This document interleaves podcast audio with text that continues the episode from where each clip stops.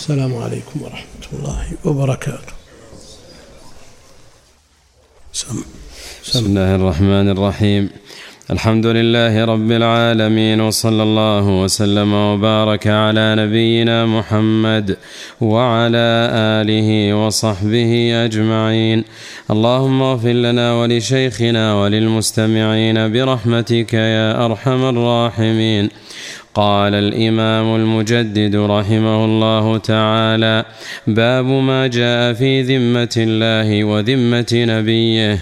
وقوله وأوفوا بعهد الله إذا عاهدتم ولا تنقضوا الأيمان بعد توكيدها الآية عن بريدة رضي الله عنه قال كان رسول الله صلى الله عليه وسلم إذا أمر أميرا على جيش أو سرية أوصاه بتقوى الله أوصاه بتقوى الله ومن معه من المسلمين خيرا فقال اغزوا بسم الله في سبيل الله قاتلوا من كفر بالله. اغزوا ولا تغلوا ولا تغدروا ولا تمثلوا ولا تقتلوا وليدا. وإذا لقيت عدوك من المشركين فادعهم إلى ثلاث خصال.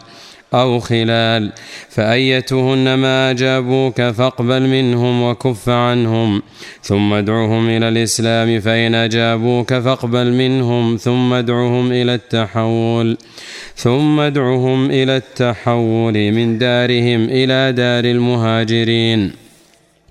وأخبرهم أنهم ان فعلوا ذلك فلهم ما للمهاجرين وعليهم ما على المهاجرين فإن أبوا أن يتحولوا منها فأخبرهم أنهم يكونون كأعراب المسلمين يجري عليهم حكم الله تعالى ولا يكون لهم في الغنيمة والفيء شيء إلا أن يجاهدوا مع المسلمين فانهم أبوا فاسألهم الجزية فإنهم أجابوك فاقبل منهم وكف عنهم. فإنهم أبوا فاستعن بالله وقاتلهم. وإذا حاصرت أهل حصن فأرادوك أن تجعل لهم ذمة الله وذمة نبيه. فلا تجعل لهم ذمة الله وذمة نبيه. ولكن اجعل لهم ذمتك وذمة أصحابك. فإنكم أنت أن تخفروا ذممكم وذمة أصحابكم أهون من أن تخفروا ذمة الله وذمة نبيه. وإذا حصرت أهل حصن فأرادوك أن تنزلهم على حكم الله فلا تنزلهم على حكم الله ولكن أنزلهم على حكمك فإنك لا تدري أتصيب حكم الله فيهم أم لا. رواه مسلم. فيه مسائل. الأولى الفرق بين ذمة الله وذمة نبيه وبين ذمة المسلمين. الثانية الإرشاد إلى أقل الأمرين خطرا. الثالثة قوله اغزوا بسم الله في سبيل الله. الرابعة قوله قاتلوا من كفر بالله الخامسة قوله استعن بالله وقاتلهم السادسة الفرق بين حكم الله وحكم العلماء السابعة في كون الصحابي يحكم عند الحاجة بحكم لا يدري أيوافق حكم الله أم لا. الحمد لله رب العالمين صلى الله وسلم وبارك على عبده ورسوله. نبينا محمد وعلى آله وأصحابه أجمعين. أما بعد فيقول الإمام المؤلف رحمه الله تعالى باب ما جاء في ذمة الله وذمة نبيه. الذمة العهد والميثاق المؤكد وقوله وأوفوا بعهد الله إذا عاهدتم. ذمة الله هي عهده. فيجب الوفاء بعهد الله للأمر بذلك في قوله وأوفوا بعهد الله إذا عاهدتم. من عاهد الله ومنهم من عاهد الله. لئن آتانا من فضله لنصدقن. كانت النتيجة فلما آتاهم فلما آتاهم من فضله بخلوا. والنتيجة فأعقبهم نفاقا في قلوبهم إلى يوم يلقون. يعني لو أن الإنسان يقول إذا طلع الراتب أبى أتصدق بألف ريال.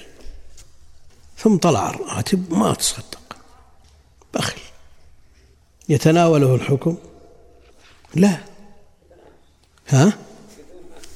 بدون عهد. منهم من عاهد الله العهد شديد. وعهد موثق. بيمين لئن جواب قسم. إذا اجتمع الميثاق والعهد والقسم اجتمعت المؤكدات. فأعقبهم نفاقا في قلوبهم إلى يوم يلقون. لكن لو قال إذا رزقني الله مالا تصدقت أو فعلت. يعني بدون عهود ولا مواثيق. هل يلزم يلزمه أن يفي؟ هل هذا نذر؟ لا. لا يلزمه لكن من الوفاء أن يفي بما التزم ولو لم يكن مؤكدا. لأنها صدقة ما أخرجها من ماله. وإذا لم تخرج من المال لا يلزم الوفاء بها سم.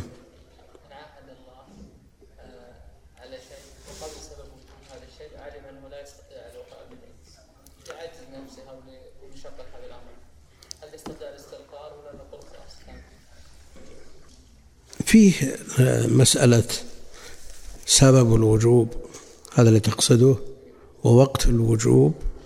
إذا جاء رمضان أتصدق بكذا. في شعبان رجع. هذا نظير الطلاق المعلق بوقت معين. إذا قال لزوجته إذا جاء رمضان فأنت طالق. الجمهور على أنه يقع. ذكر عن شيخ الإسلام أنه ما دام سبب الوجوب وقت الوجوب ما جاء ما يقع بإمكانه أن يرجع عنه ومثله ما نحن فيه ها؟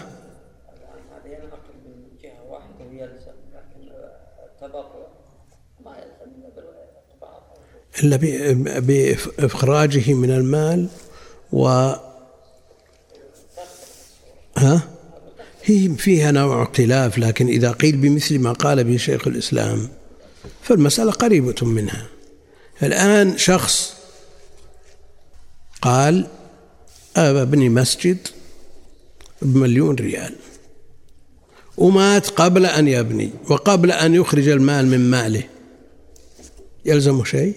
يلزم الورثة أن يخرجوا؟ لا. لكن لو وضع له حسابا خاصا. وأخرجه من ماله. وقال هذا المليون لبناء مسجد. ها؟ يلزم. حينئذ يلزم. وقوله أوفوا بعهد الله إذا عاهدتم ولا تنقض الأيمان بعد توكيدها.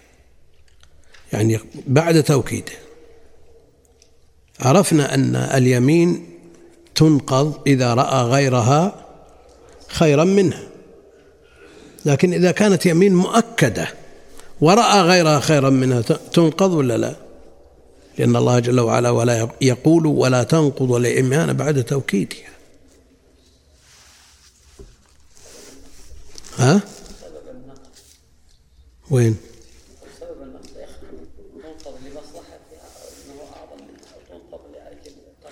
رأى غيرها خيرا منها. حلف أن لا يكلم فلانا وأكد ذلك بأيمان مغلظة وعهود ومواثيق ثم رأى أو قيل له أن المصلحة أن تكلم ولا يجوز لك أن تهجر أخاك.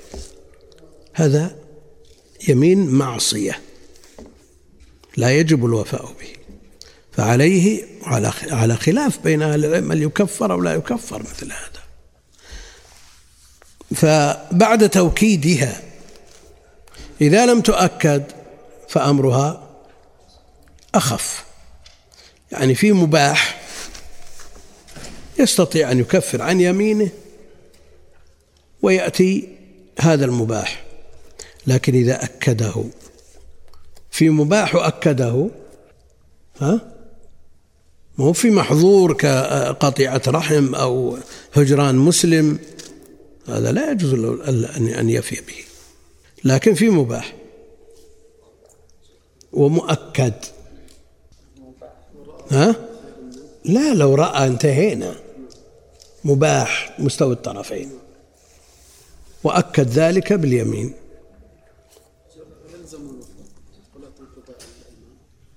ولا تنقض الأيمان بعد توكيدها. ها؟ ها؟ إيه. مصلح غلام ليست في مباح لا ينفق على مصلح على مصلح ولا يأتي هو حلف؟ لا هذه مثل نظير المسألة اللي قلنا إنها في قطيعة رحم وغيرها خير منها. لا أنا أبي مستوي الطرفين.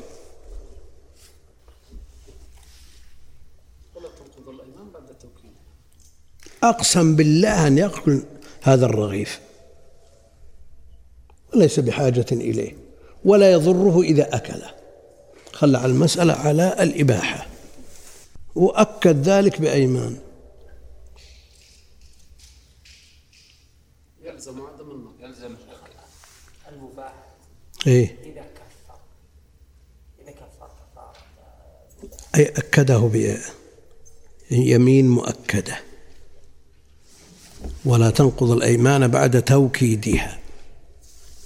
يعني هل هذا معارض لحديث إني لا أحلف على خير على على شيء فأرى غيرها خيرا منها؟ نقول هذا في غير المؤكد وهذا في المؤكد؟ نعم.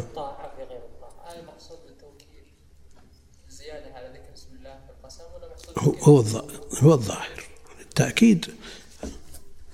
الأيمان يتأدى بقوله والله. والتوكيد قدر زائد على ذلك.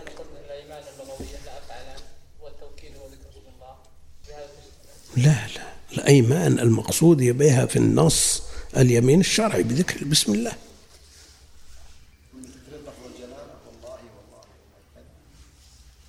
شلون؟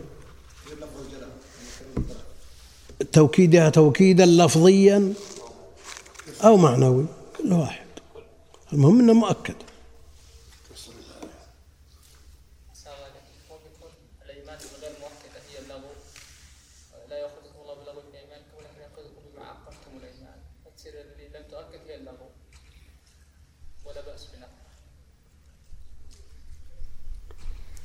لا النقض بدون كفارة أو بكفارة ولا تنقضوا ولا له بخلاف نذر الطاعة التي يلزم. فهل تكون التوكيد إذا كانت في طاعة وأكدها فلا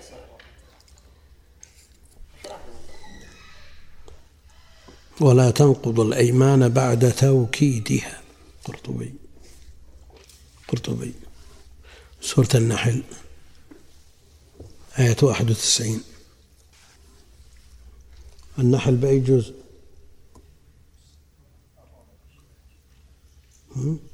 لا من التفسير.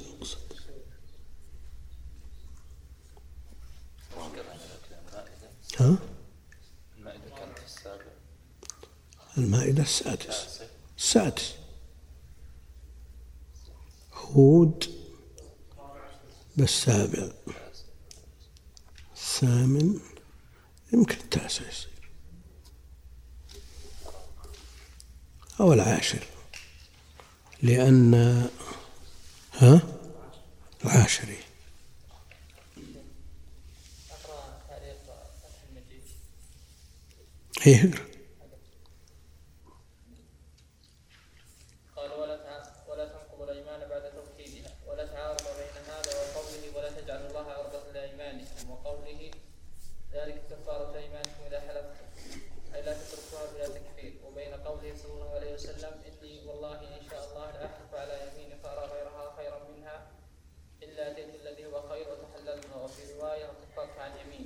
لا تعارض بين هذا كله وبين الآية المذكورة هنا وهي ولا تنقض الأيمان بعد توكيدها. لأن هذه الأيمان المراد بها لأن هذا الأيمان المراد بها الداخلة في العقود والمواثيق لا الأيمان الواردة على حد أو منع.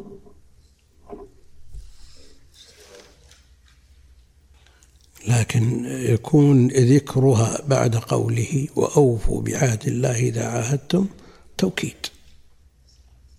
توكيد لما تقدم. نعم. إذا كان المراد بها العهود والمواثيق وليس المراد بها ما يراد باليمين في الأصل من الحث والمنع يكون معناها هو معنى وأوفوا بعهد الله إذا عاهدتم. نعم.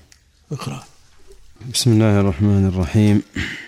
قوله تعالى وأوفوا بعهد الله إذا عاهدتم ولا تنقضوا الأيمان بعد توكيدها وقد جعلتم الله عليكم كفيلا إن الله يعلم ما تفعلون. فيه ثلاث مسائل. الأولى قوله تعالى وأوفوا بعهد الله. الثانية قوله تعالى ولا تنقضوا الأيمان بعد توكيدها. يقول بعد تشديدها وتغليظها. يقال توكيد وتأكيد. ووكد وأكد وهما لغتان. والواو أفصح؟ توكيد. ما هو تأكيد نعم. الثالثة قوله تعالى وقد جعلتم الله عليكم كفيلا يعني شهيدا. ويقال حافظا ويقال ضامنا. وإنما قال بعد توكيدها فرقا بين اليمين المؤكدة بالعزم وبين لغو اليمين. وقال ابن وهب وابن القاسم عن مالك التوكيد هو حلف الإنسان الإنسان في الشيء الواحد مرارا يردد فيه الأيمان ثلاثا أو أكثر من ذلك. يعني التوكيد اللفظي. نعم. كقوله والله لا أنقصه من كذا والله لا أنقصه من كذا والله لا أنقصه من كذا. قال فكفارة ذلك واحدة مثل كفار كفارة اليمين. قال يحيى بن سعيد هي العهود والعهد يمين ولكن الفرق بينهما أن العهد لا يكفر. قال النبي صلى الله عليه وسلم ينصب لكل غادر لواء يوم القيامة عند استه بقدر غدرته يقال هذه غدرة فلان. وأما اليمين بالله فقد شرع الله سبحانه فيها الكفارة بخصلة و... كفارة. الله. فقد شرع الله سبحانه فيها, فيها الكفارة بخصلة واحدة وحل من عقدت عليه اليمين. أو وحل من عقدت عليه اليمين. وقال ابن عمر التوكيد هو أن يحلف مرتين فإن حلف واحدة فلا كفارة فيه وقد تقدم في المائدة. انت أحسن الله إليك. هذا يحتمل اللفظ لأن التوكيد إنما يكون معنويا أو لفظيا أحسن الله إليك قوله وعاهد الله على كذا يعني إن نقضها لا لا كفارة فيها هل هو نذر ولا يمين؟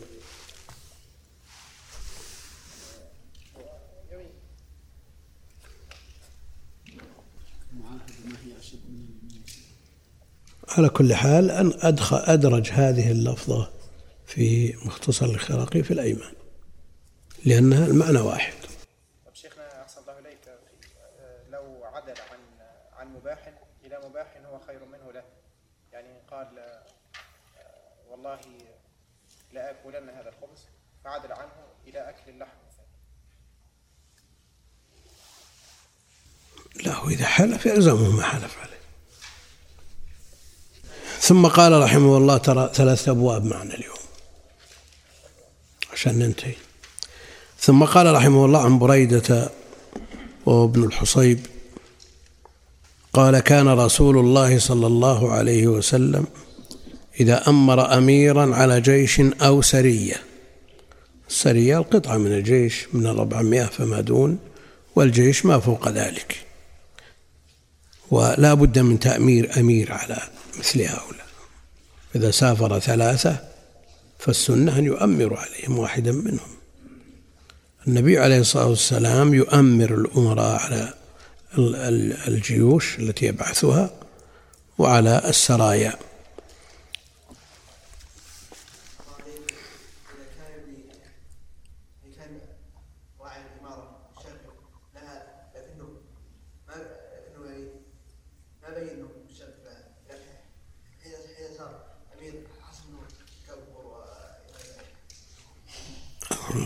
عندما يؤمر أصلحهم لذلك. إنما يجب تأمير أصلحهم لذلك. وأوفاهم بالشروط قد يكون الشخص أتقن وأتقى وأورع. لكن لا يصلح أن يكون أمير. قد لا يصلح أن يكون أمير. وأبو ذر أصدق الناس لهجة. ونصحه النبي عليه الصلاة والسلام أن لا يتأمر على اثنين. كان رسول الله صلى الله عليه وسلم إذا أمر أميرا على جيش أو سرية أوصاه بتقوى الله. بفعل الأوامر واجتناب النواهي. وهذه وصية الله جل وعلا للأولين والآخرين. وصية الله جل وعلا للأولين والآخرين. أن اتقوا الله. بتقوى الله ومن معه من المسلمين. ومن معه من المسلمين. يعني هل أوصاه بتقوى الله وبتقوى من معه من المسلمين؟ أو أوصاه بتقوى الله وأوصاه بمن معه من المسلمين؟ خيرا. نعم احتمال الأول لا يرد. ومن معه من المسلمين خيرا بأن لا يشق عليهم ولا يتكبر عليهم ولا يترفع عليهم. ولا يحقرهم ولا يحملهم ما لا يطيقون. فقال اغزوا بسم الله. اغزوا مستعين مستعينين بالله جل وعلا. في سبيل الله ولإعلاء كلمة الله. قاتلوا من كفر بالله. قاتلوا من كفر بالله. قاتلوهم بعد عرض الأمور الآتية عليهم. إذا أبوا قاتلوهم. والقتال لمن كفر بالله لكفره وعدم استجابته للدخول في الإسلام أو بذل الجزية. كما يقاتل من اجتمعوا على ترك شعيرة من شعائر الدين. أو امتنع من أداء ركن من أركان الإسلام ولجأ إلى المنازعة والمشاقة وقاتل دون ذلك فإنه يقاتل كما قاتل أبو بكر رضي الله عنه أهل الردة.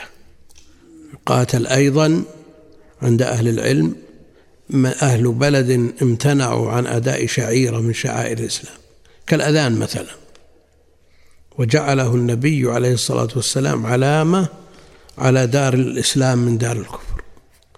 إذا سمع إذا سمعوا الأذان فكفوا.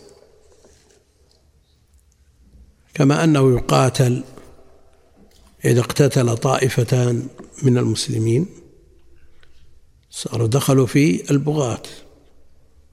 فحصل الصلح بينهما فرفضت إحداهما تقاتل. حتى تفيء إلى أمر الله. قاتلوا من كفر بالله اغزوا تأكيد لما تقدم. ولا تغلوا الغلول الأخذ من الغنيمة قبل قسمتها. ومن يغلل يأتي بما غل يوم القيامة. ولا تغدروا الغدر الخيانة. وفي الحديث ينصب لكل غادر اللواء يوم القيامة. قالوا هذه غدرة فلان نسأل الله العافية. ولا تغدروا ولا تمثلوا ولا تمثلوا بالأسرى أو من يتم قتله بجدع أنفه أو قطع لسانه أو أذنه فلا يجوز التمثيل. على خلاف بين العلماء إذا مثلوا بقتل المسلمين. إذا مثل الكفار بقتل المسلمين هل يمثل بقتلاهم؟ خلاف بين أهل العلم. ويكون من باب المماثلة وليس من باب التمثيل. وإن عاقبتم فعاقبوا بمثل ما عوقبتم به. وفي قصة العرانيين فعل النبي صلى الله عليه وسلم بهم مثل ما فعلوا بالراعي. من باب المماثلة للمثلى ها؟ المسألة خلافية بين أهل العلم منهم من يرى ولا تمثلوا عام. لا تفعلوا ولو فعلوا. لا تفعلوا ولو فعلوا. ومنهم من يقول إذا فعلوا لا تظهر الضعف عندهم. افعلوا بهم مثل ما فعلوا تندرج أفعالكم في نصوص. وإن عاقبتم فعاقبوا بمثل ما عوقبتم به ويجعلون من ذلك ما حصل في قصة العرانيين. لكن أحسن الله عليك كان إرهاب الطرف الآخر بالتمثيل ببعض أفرادهم وإرسالهم يعني من غير تقدم فعل من الكفار بذلك. نعم. النص ظاهر ولا تمثلوا. ولا تقتلوا وليدا الوليد هو الصغير الذي لا يقاتل.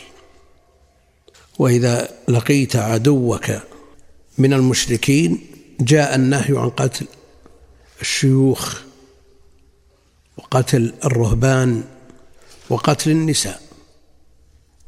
جاء النهي عن قتل هؤلاء لأنهم لا مدخل لهم في القتال لكن من قاتل منهم ولو من الشيوخ والرهبان والنساء من قاتل يقتل. فقد قتل دريد بن الصمة في حنين وهو شيخ كبير فوق المئة لأن له رأي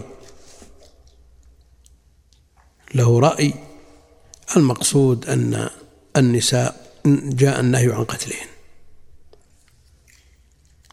وفي المسألة هذا الحديث وهو النهي عن قتل النساء وفيها القتل النساء في مواطن من الشريعة. في القصاص قتلت امرأة. تقتل ولا ما تقتل؟ تقتل. في الزنا إذا كانت محصنة تقتل. رجم النبي عليه الصلاة والسلام أكثر من واحدة. في الردة. من بدل دينه فاقتلوه. تقتل ولا ما تقتل؟ عند الحنفية خلنا من الحنفية. الآن جاء النهي عن قتل النساء وجاء الأمر بقتلهن وجاء الفعل قتلهن الحنفية يعتمدون عموم النهي فيقول المرتدة لا تقتل لأن النبي عليه الصلاة والسلام نهى عن قتل النساء والجمهور تقتل. لأن هذا النهي عن قتل النساء عمومه معارض بعموم من بدل دينه فاقتلوه. عمومه معارض بعموم من بدل دينه فاقتلوه يرحمك الله. وهذا العموم النهي عن قتل النساء معارض ليس بمحفوظ. معارض بقتل المرأة إذا قتلت أو إذا زنت فعموم النهي عن قتل النساء ضعوف لما دخله من المخصصات. عموم من بدل دينه فاقتلوه. محفوظ ولا مخصص؟ محفوظ. إذا عموم من بدل دينه فاقتلوه مرجح وهو أقوى من عموم الأمر بقتل النساء. ولذا قال الجمهور بقتل المرأة إذا ارتدت. ولا تقتلوا وليدا. جاء النهي مثل ما قلنا عن قتل النساء قتل الشيوخ وأيضا قتل الرهبان. ما يقتلون إلا إذا شاركوا في القتال.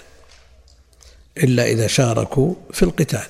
إذا تترس الكفار بمثل هؤلاء الذين جاء النهي عن قتلهم جعلوهم بينهم وبين المسلمين ما في السبيل يقتل ها؟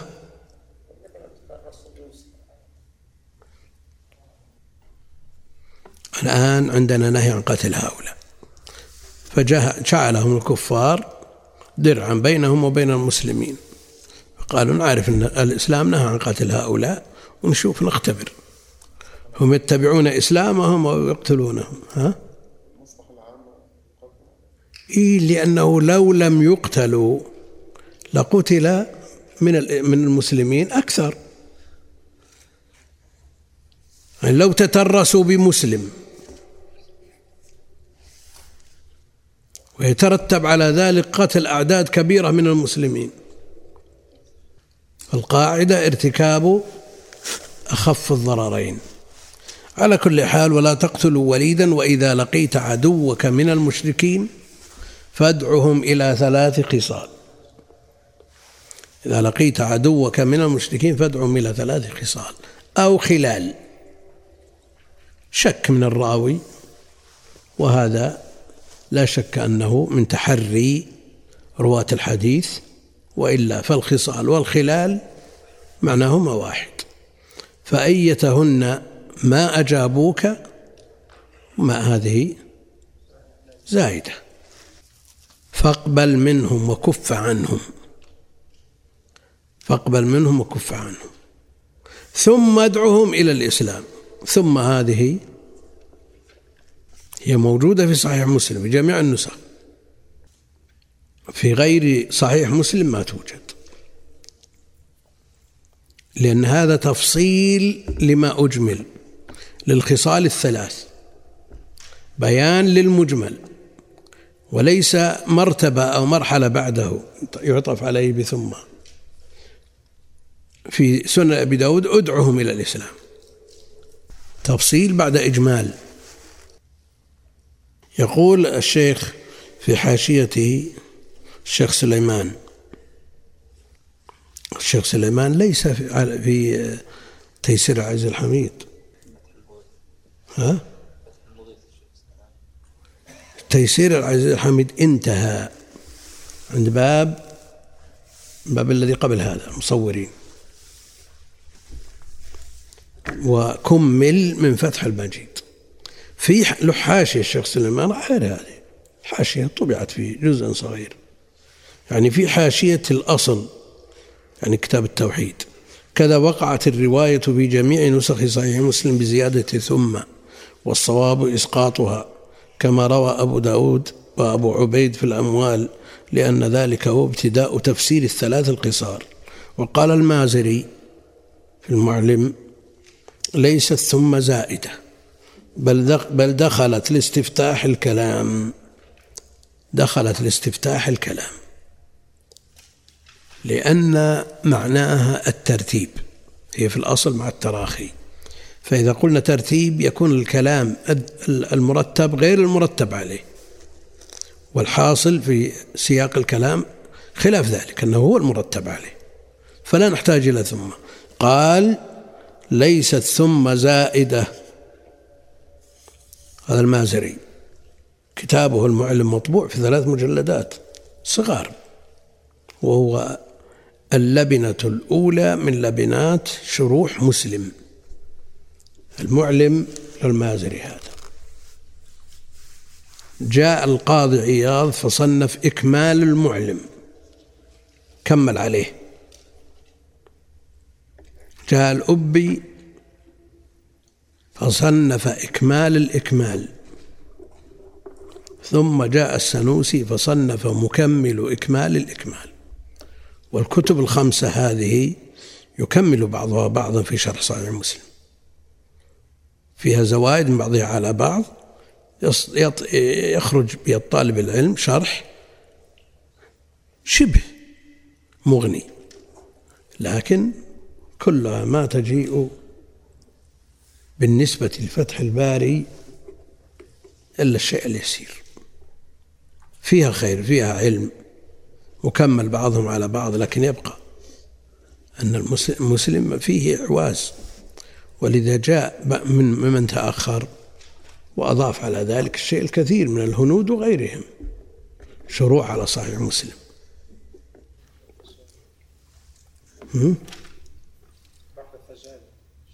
شو؟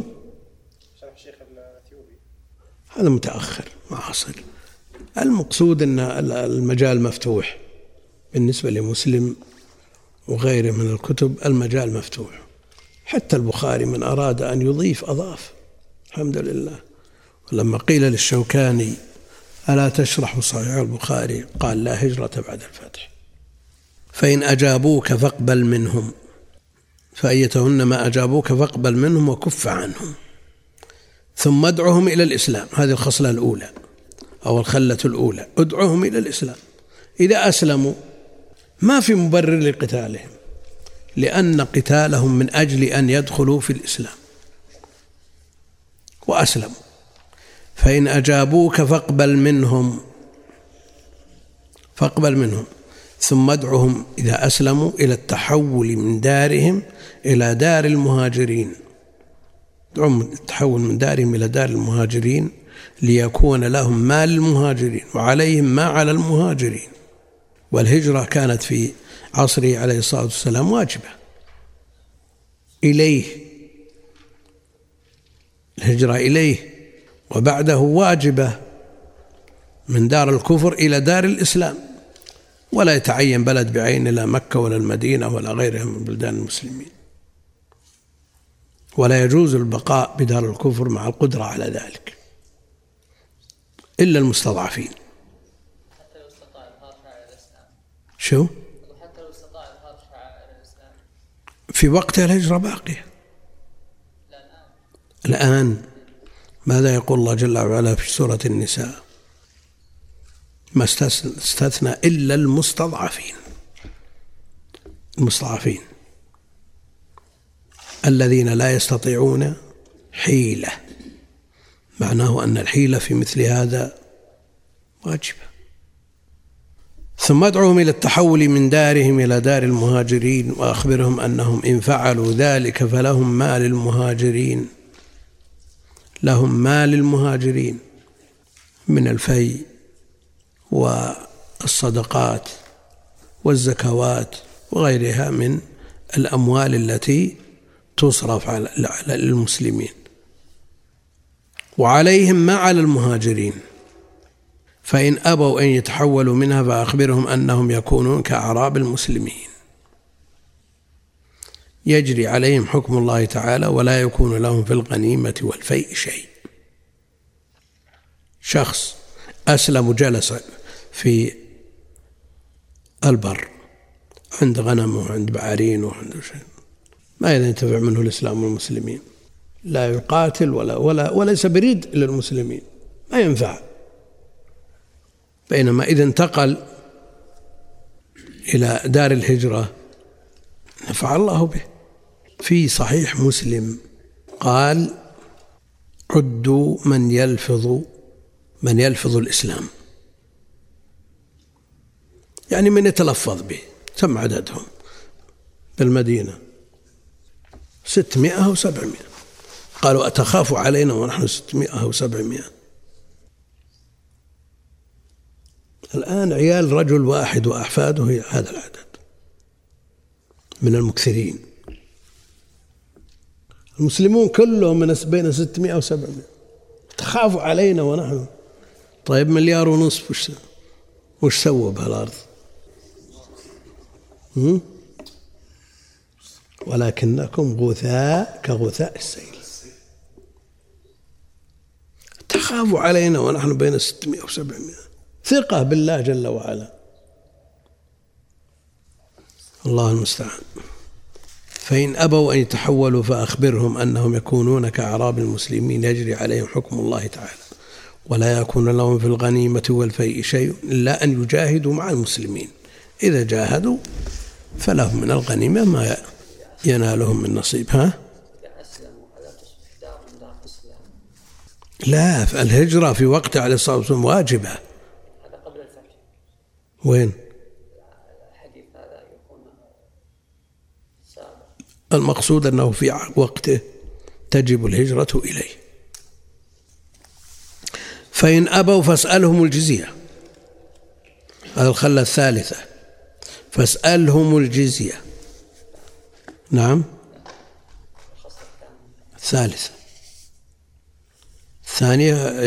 قلنا آه، نتحولوا ها؟ الح- الثالث الح- طيب. هم؟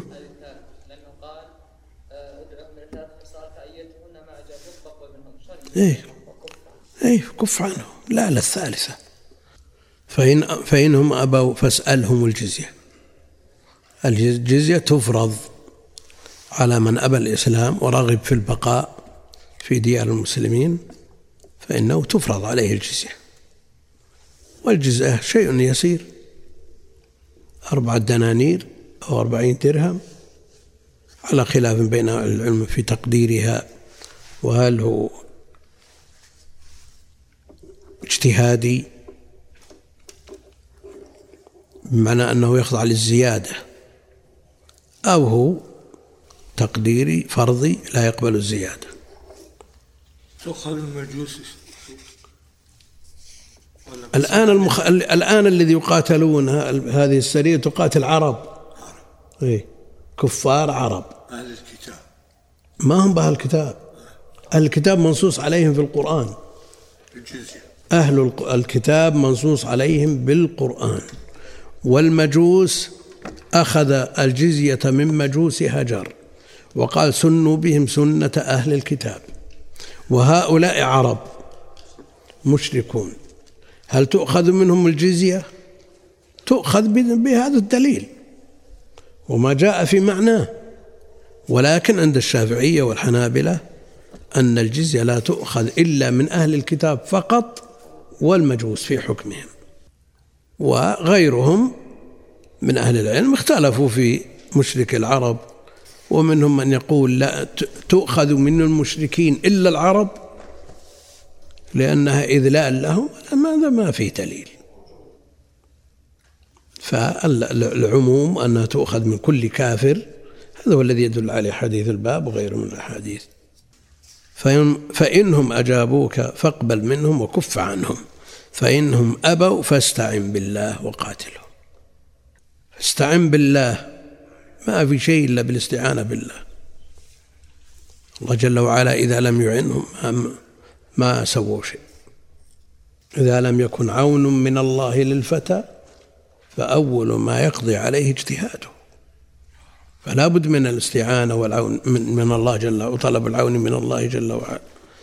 وقاتلهم وإذا حاصرت أهل حصن سواء كان حصن منيع من جبال وغيره ولا بيوت ولا أي شيء يمتنعون به ويتحصنون به فأرادوك أن تجعل لهم ذمة الله وذمة نبيه فلا تجعل لهم ذمة الله وذمة نبيه. ولكن اجعل لهم ذمتك وذمة أصحابك فإنكم إن تغفروا ذممكم وذمة أصحابكم أهون من أن تغفروا ذمة الله وذمة نبيه. لأنه إذا حصل النقض وقد أعطوا عهد الله وذمة الله الأمر عظيم. ماذا يقول الكفار؟ خانوا ربهم خانوا ربهم. لكن إذا كانت الذمة لأمير الجيش وأصحابه أمرها سهل يعني. في بني آدم يعني محرمة الفعل محرم لكن أهون من أن يكون العهد من الله ورسوله. تخفر من أخفر الرباعي وأما الثلاثي خفر معنى أجار خفر أجار وأخفر نقض وإذا حاصرت أهل حصن فأرادوك أن تنزلهم على حكم الله فلا تنزلهم على حكم الله.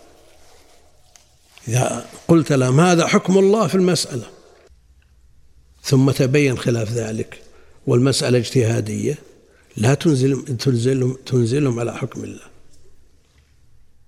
يأتي كثيرا من السائلين ما حكم الدين في كذا؟ طيب الدين كان كانت الإجابة بنص من كلام الله وكلام الرسول هذا حكم الدين. ويبقى أن تنزيل هذا النص على السؤال يبقى اجتهاد بعد. فبعضهم يسأل ما حكم الدين في كذا ويجيب بجواب اجتهادي ما فيه دليل. ورأيت كتابا اسمه أنت تسأل والإسلام يجيب. أنت تسأل والإسلام يجيب. يباع في المكتبات. أكثره. اجتهادية واستنباطات عقلية بعضها لا يستند إلى دليل.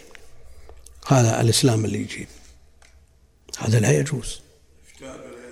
هذا هذا غش وخداع للناس ويدخل في هذا الكلام. فلا تلزمهم على حكم الله ولكن أنزلهم على حكمك فإنك لا تدري أتصيب حكم الله فيهم أم لا رواه مسلم.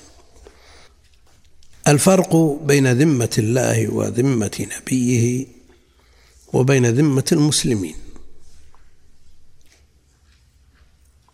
الفرق بين ذمة الله وذمة نبيه وبين ذمة المسلمين. لا شك أن ذمة المسلمين أهون وأخف ومخالفتها أيسر من مخالفة ذمة الله وذمة نبيه. الثانية الإرشاد إلى أقل الأمرين خطرا. الإرشاد إلى أقل الأمرين خطرا. كلاهما محرم لكن ذمة المسلمين أقل خطرا. الثالثة قوله اغزوا بسم الله في سبيل الله. اغزوا مستعينين بالله جل وعلا. مخلصين لله. معلين كلمة الله في سبيل الله. لا من أجل غنيمة ولا غيره.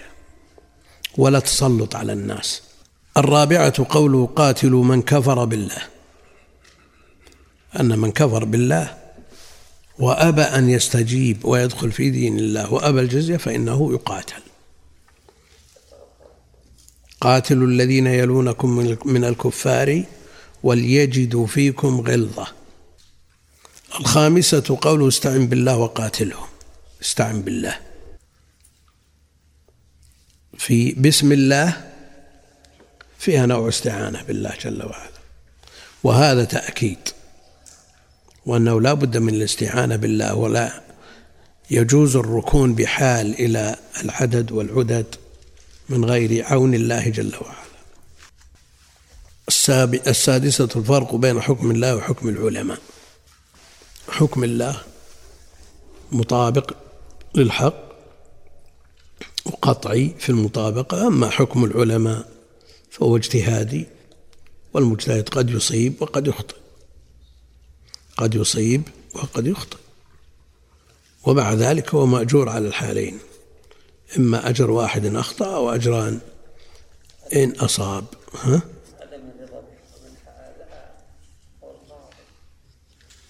فلا وربك لا يؤمنون حتى يحكموك فيما شجر بينهم.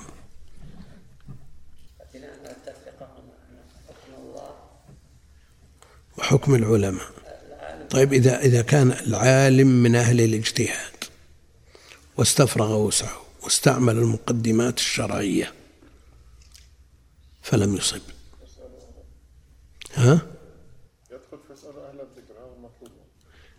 يدخل في قوله عليه الصلاة والسلام إنما أنا بشر. أحكم على نحو ما أسمع. أحكم على نحو ما أسمع.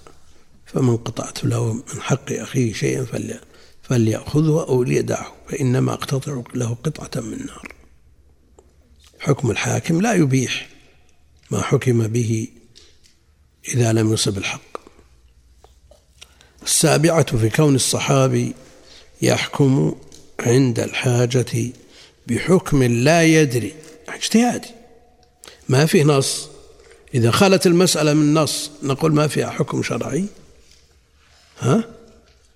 يطلب من أهل العلم من أهل الاجتهاد من أهل الأهلية للنظر في النصوص أن يجتهدوا ويحكمون بما يتوصل بما يوصلهم إلى اجتهادهم فإن أصابوا فلهم أجران وإن أخطأوا فلهم أجر واحد والله أعلم. سم. باب ما جاء في الإقسام على الله. عن جندب بن عبد الله رضي الله عنه قال قال رسول الله صلى الله عليه وسلم قال رجل والله لا يغفر الله لفلان. فقال الله عز وجل من ذا الذي يتألى علي ألا أغفر لفلان؟ إني قد غفرت له وأحبطت عملك. رواه مسلم. وفي حديث أبي هريرة أن القائل رجل عابد قال أبو هريرة تكلم بكلمة اوبقت دنياه واخرته فيه مسائل. الأولى التحذير من التألي على الله الثانية كون النار أقرب إلى أحدنا من شراك نعله الثالثة أن الجنة مثل ذلك الرابعة فيه شاهد لقوله إن الرجل ليتكلم بالكلمة إلى آخره الخامسة أن الرجل قد يغفر له بسبب هو من إكراه من أكره. هو من أكره من أكره الأمور إليه. يقول المؤلف رحمه الله تعالى باب ما جاء في الإقسام على الله. الإقسام على الله الحلف على الله. جاء ذكر رحمه الله النوع المخل بالتوحيد. الذي أورد صاحبه النار. والتألي على الله تنقص. تنقص الله جل وعلا. ذكر المؤلف فيه نوع آخر فيه ثقة بالله جل وعلا. رب أشعث أغبر لو أقسم على الله لأبره. وحصل حصل من بعض القضايا الصحيحة الثابتة في قصة الربيع لما كسرت الثنية ثنية الأنصارية أقسم أخوها أن لا تكسر ثنية الربيع. الرسول يقول كتاب الله بيننا وبينكم. كتاب الله القصاص. قال والله لا تكسر ثنية الربيع. فأبره الله جل وعلا أبر قسمه ولم تكسر ثنية الربيع.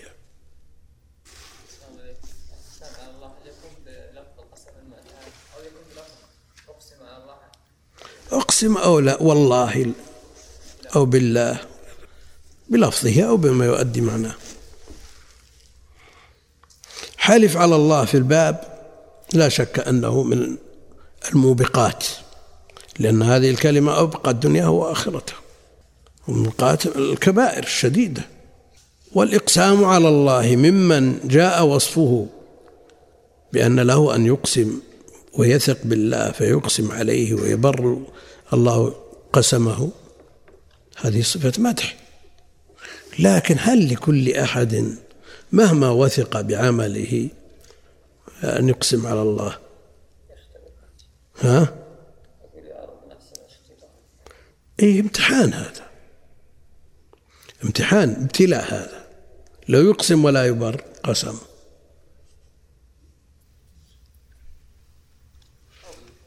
ها؟ في في ما فيه لكن في مواطن يحتاج فيها الإنسان إلى هذا. يحتاج فيها الإنسان إلى هذا.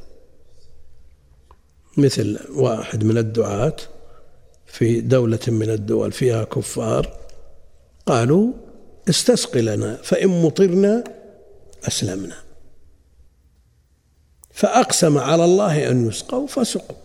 وأسلموا لكن لو لم يسقوا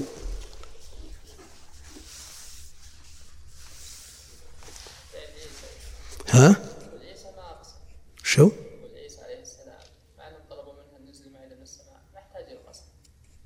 إيه محتاج لأنه يخاطب الله لأنه يخاطب الله هذا ما عندهم شيء وش يقول وعندنا أصل المسألة من عبادي من لو أقسم على الله لا بره من عباد الله. في هذه الآن لو واحد جالس في مجلس وقال اللهم إن إن كنت تعلم أني أني مسلم ومآلي إلى الجنة فاقبضني الساعة. وما قبض إيش صار عليه؟ مشكلة. لا يعرض الإنسان نفسه للابتلاء. عليه بستر الله ويجتهد في طاعة الله وتقوى الله واجتناب معاصيه مخلصا في ذلك لله جل وعلا متبعا لنبيه ويترك هذه الأمور عند الموافاة.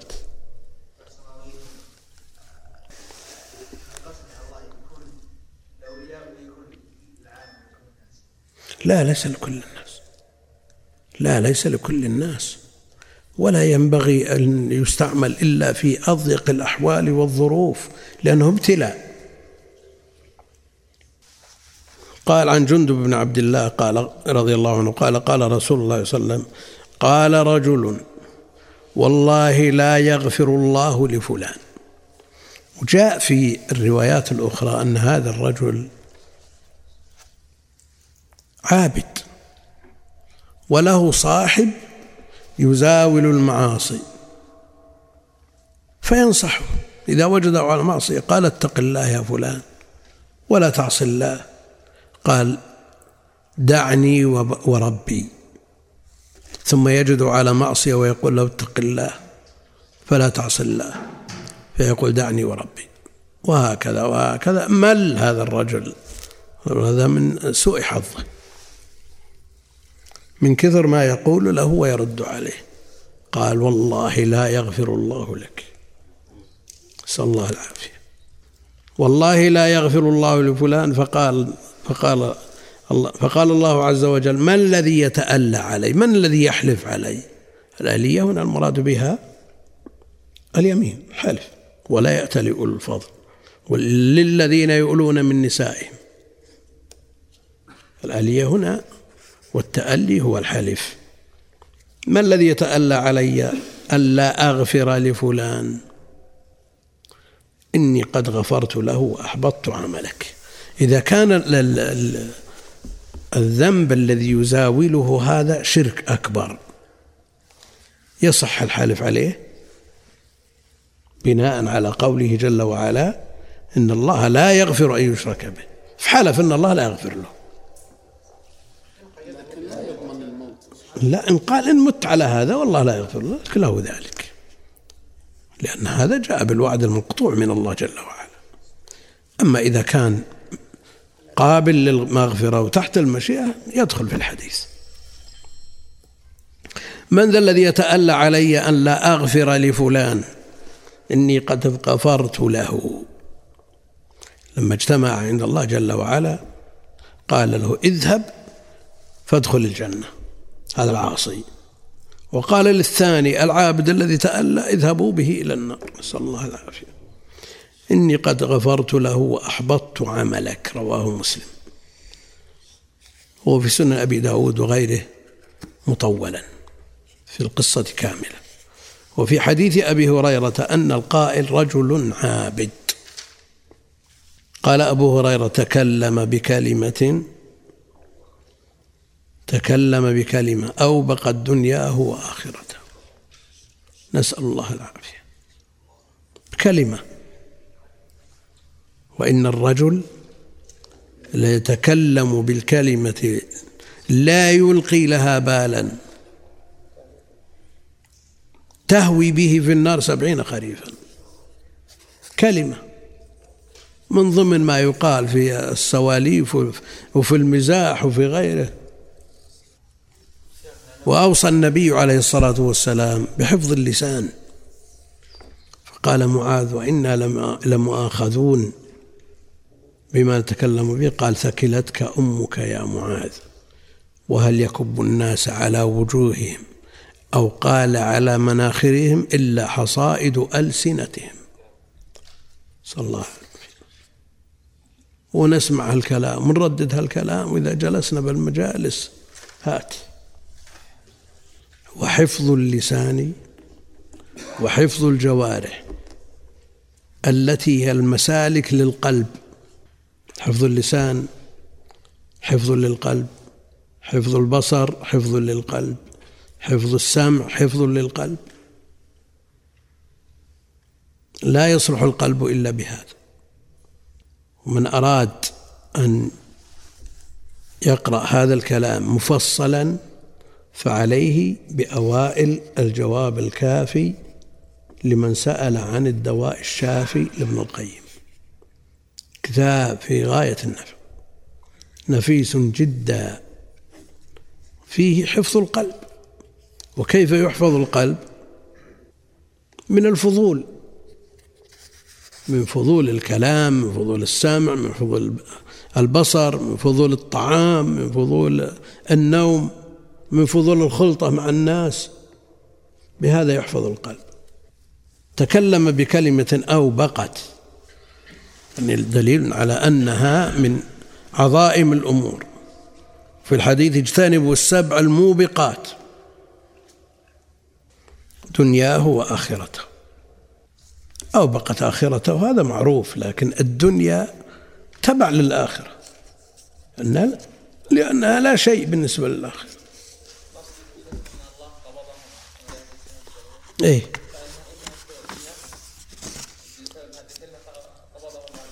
على كل حال دنياه ما مضى منها وما لحق. الدنيا كلها لا شيء بالنسبة للآخرة وهي مقدمة لها ومزرعة لها لو اقسم على الله من يظن انه احد في أمر الظروف وحس ان الوضع يحتاج ان يقسم على الله هل يدخل في الحديث اذا ما وقع ما اقسم عليه؟ حديث الباب؟ لا لا لا لا, لا. أقسم على الله. وين؟ ما حصل اللي يقسم عليه هو, يرجو. ما هو مثل هذا جازم أن, أن هذا الشخص لا يغفر له. هي مسألة رجاء من الله جل وعلا. مؤكد هذا الرجاء باليمين الذي جاءت الإشارة إليه. إن كان من أهل هذا.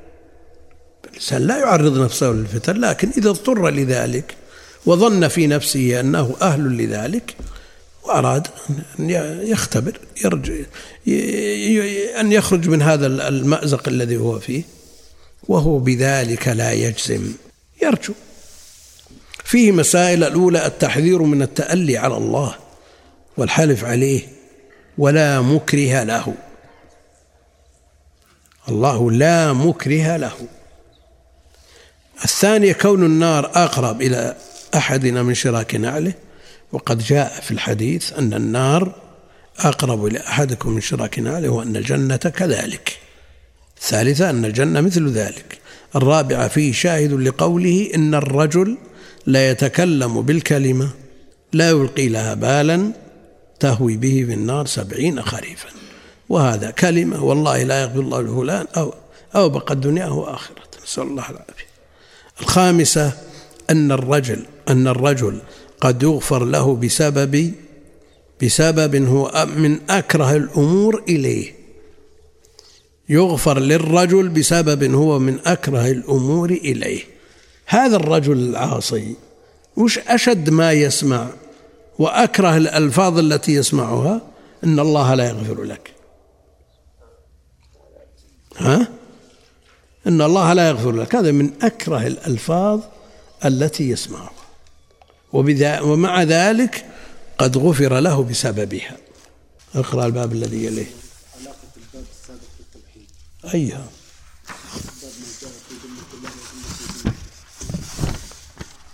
من ما في تعظيم. تعظيم ذمة الله وذمة نبيه. من التوحيد. والنيل من ذمة الله أو تعريض ذمة الله وذمة نبيه الإخفار ما هو في تنقص لله جل وعلا؟ هذا سم. باب لا يستشفع بالله على خلقه. عن جبير بن مطعم رضي الله عنه قال جاء أعرابي إلى النبي صلى الله عليه وسلم فقال يا رسول الله نهكت الانف نهكت الأنفس وجاع العيال وهلكت الأموال. فاستسق لنا ربك فإنا نستشفع بالله عليك وبك على الله. فقال النبي صلى الله عليه وسلم سبحان الله سبحان الله. فما زال يسبح حتى عرف ذلك في وجوه أصحابه. ثم قال ويحك أتدري ما الله؟ إن شأن الله أعظم من ذلك. إنه لا يستشفع بالله على أحد. وذكر الحديث رواه أبو داود. فيه مسائل الأولى إنكاره على من قال نستشفع بالله عليك. الثانية تغيره تغيرا عرف في وجوه أصحابه من هذه الكلمة. الثالثة أنه لم ينكر عليه قوله نستشفع بك على الله. الرابعة التنبيه على تفسير سبحان الله. الخامسة أن المسلمين يسألونه الاستسقاء. يقول المؤلف رحمه الله تعالى باب لا يستشفع بالله على خلقه. الشفاعة والاستشفاع ضم الصوت. بدل أن يكون فردا ليكون شفعا. فالشافع يضم صوته للمشفوع له. عند من يشفع عنده. والأصل أن يكون الشافع والمستشفع به ليشفع أن يكون مقامه أنزل من المشفوع عنده. لأنه إذا كانت منزلته أعلى يأمره أمر. يأمره أمر. باب لا يستشفع بالله على خلقه. لا يستشفع تطلب شفاعة الله.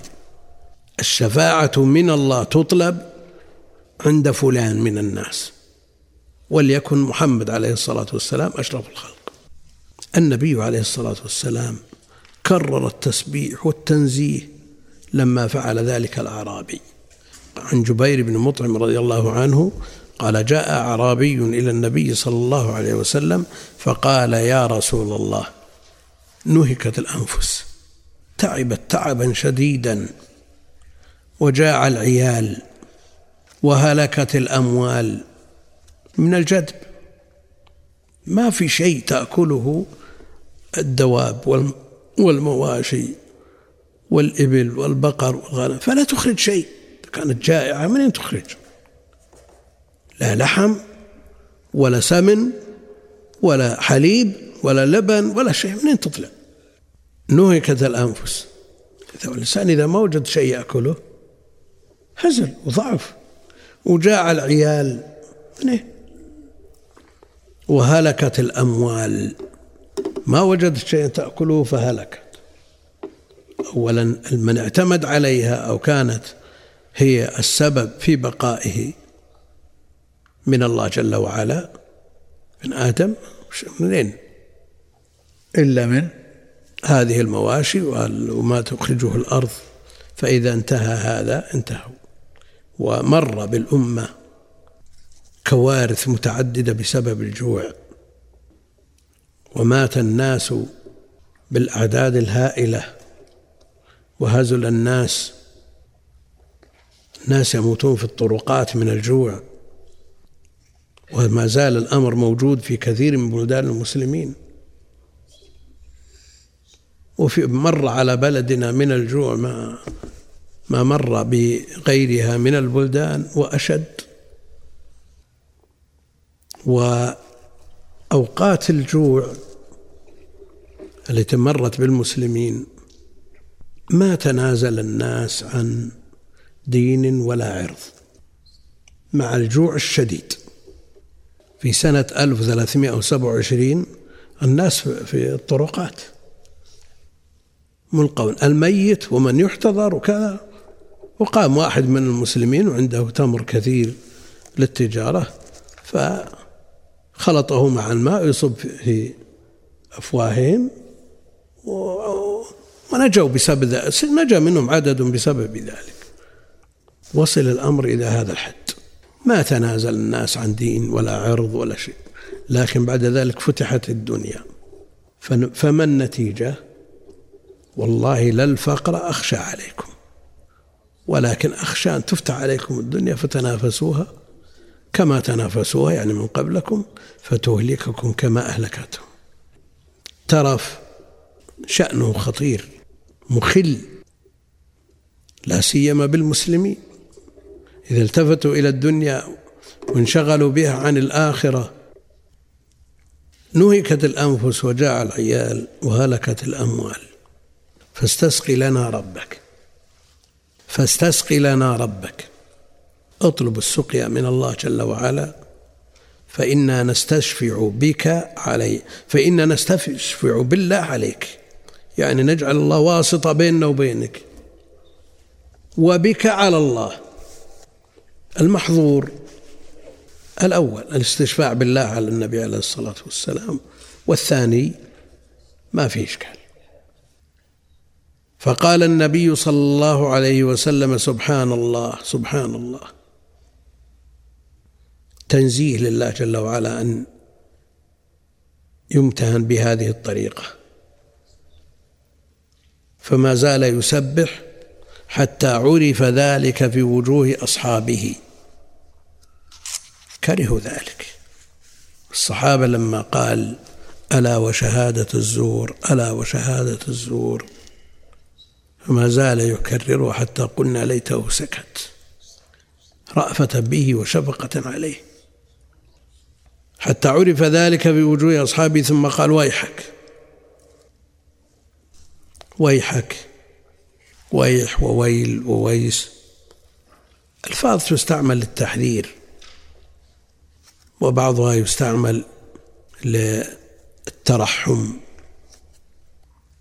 لكن هنا تحذير بلا شك. ويحك أتدري ما الله؟ لو كنت تدري ما قلت هذا الكلام. مبينا جهله بمقام الله جل وعلا. إن شأن الله أعظم من ذلك. إن شأن الله أعظم من ذلك. إنه لا يستشفع بالله على أحد. تعالى وتقدس. وذكر الحديث رواه أبو داود فيه مسائل الأولى إنكاره على من قال نستشفع بالله عليك. مقام الله أعظم من أن يستشفع به على أحد من خلقه. لماذا؟ لأنه جل وعلا لا يطلب من أحد وإنما يطلب منه.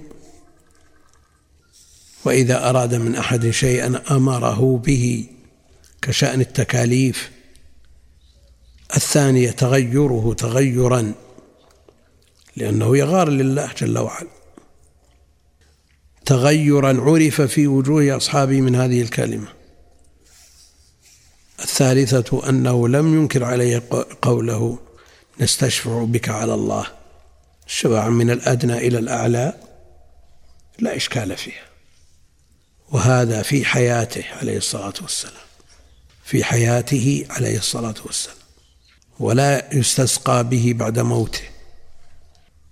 لأن الصحابة كانوا يطلبون منه السقيا في حياته.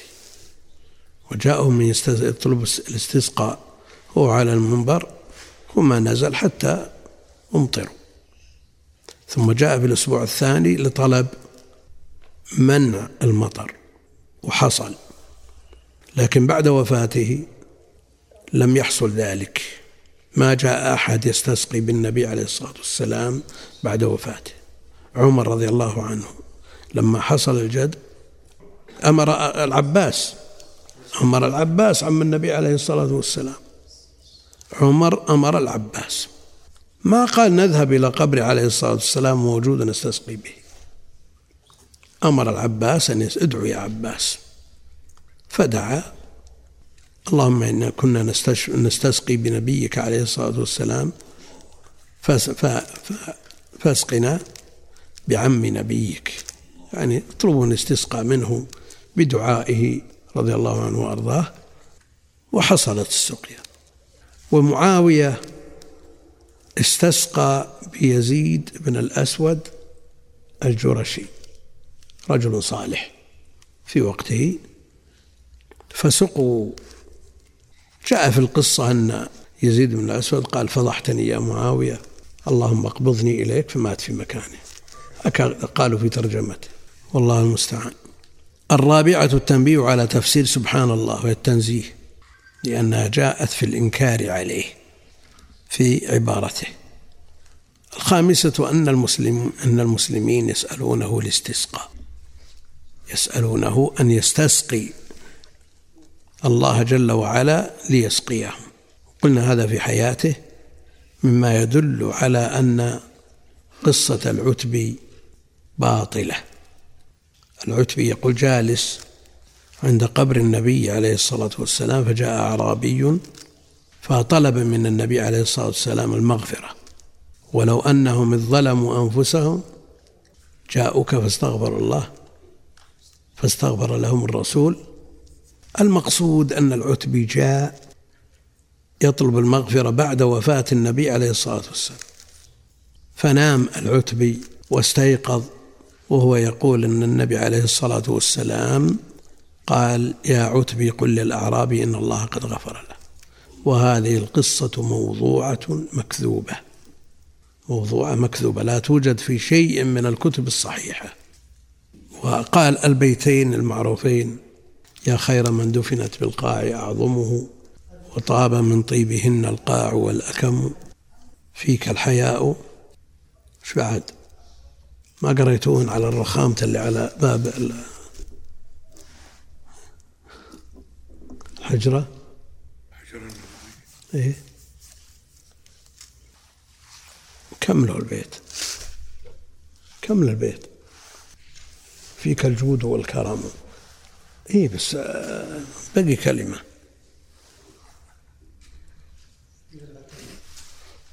فيك العفاف. غدا إن شاء الله تعالى نكمل البابين الباقيين ونختم الكتاب بإذن الله. والله أعلم. صلى الله وسلم على نبينا محمد وعلى آله أجمعين. بارك. الأولاد والشيوخ من باب التنكيل ما يجوز إلا إذا لم يمكن قتلهم إلا بهم يتسرسوا بهم. الحديث يا شيخ أن الرجل كان يأمر بالمعروف ولا يأتي وينهى عن المنكر ويأتي. إيه. ألا يدل على أن الإنسان يجب عليه إذا كان مقصر في جانب من الأمور؟ لا لا لا لا. هذا يأمر به ويأتي ويظهر للناس أنه من أتقى الناس أما إذا جاء الأمر على طبيعته ويصير مخلط يفعل معصية ويفعل معروف ويصير.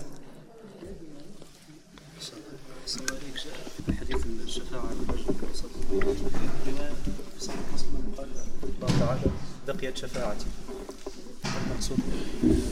شفاعته عند نفسه وهو بل المخلوقين